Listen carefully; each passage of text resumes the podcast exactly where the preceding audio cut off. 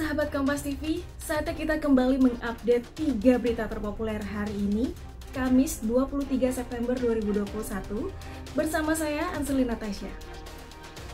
Sahabat Kompas TV di berita pertama, sejumlah anggota Komisi 1 DPR memprotes atas ketidakhadiran Panglima TNI Marsikal Hadi Cahyanto dalam rapat kerja pembahasan anggaran rencana kerja dan anggaran Kemenhan dan TNI. Selain Panglima yang tak hadir, Menteri Pertahanan Prabowo juga diwakilkan pada Wamenhan. Usai rapat kerja dengan Komisi 1 DPR, Wakil Menteri Pertahanan Muhammad Herindra enggan menanggapi soal ketidakhadiran Panglima TNI. Rapat Komisi 1 DPR mengagendakan pembahasan anggaran tahun 2022. Wamenhan enggan menanggapi soal protes anggota Komisi 1 DPR atas ketidakhadiran Panglima TNI maupun alasan ketidakhadiran Prabowo. Sejumlah protes sempat dilayangkan anggota Komisi 1 DPR atas ketidakhadiran Panglima TNI. Sahabat Kompas TV di berita kedua, satu tenaga kesehatan diduga disandra kelompok teroris di Papua pasca penyerangan di distrik Kiwirok, Pegunungan Bintang.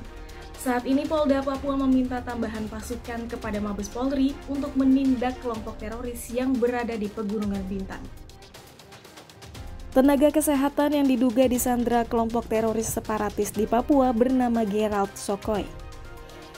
Meski demikian, kelompok teroris membantah Gerald Sokoy disandra, tapi ditemukan saat tersesat pasca kontak tembak di Pegunungan Bintang. Polda Papua saat ini meminta tambahan personel BRIMOB dari Mabes Polri untuk membantu pengejaran terhadap kelompok kriminal bersenjata pimpinan Lamek Taplo.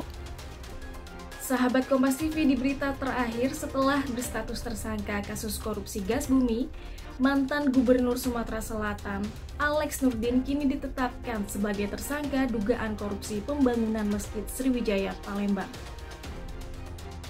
Selain Alex Nurdin, Kejaksaan Tinggi Sumatera Selatan menetapkan dua tersangka lainnya dalam kasus ini. Alex Nurdin ditetapkan sebagai tersangka setelah pemeriksaan terhadap sejumlah saksi dilakukan.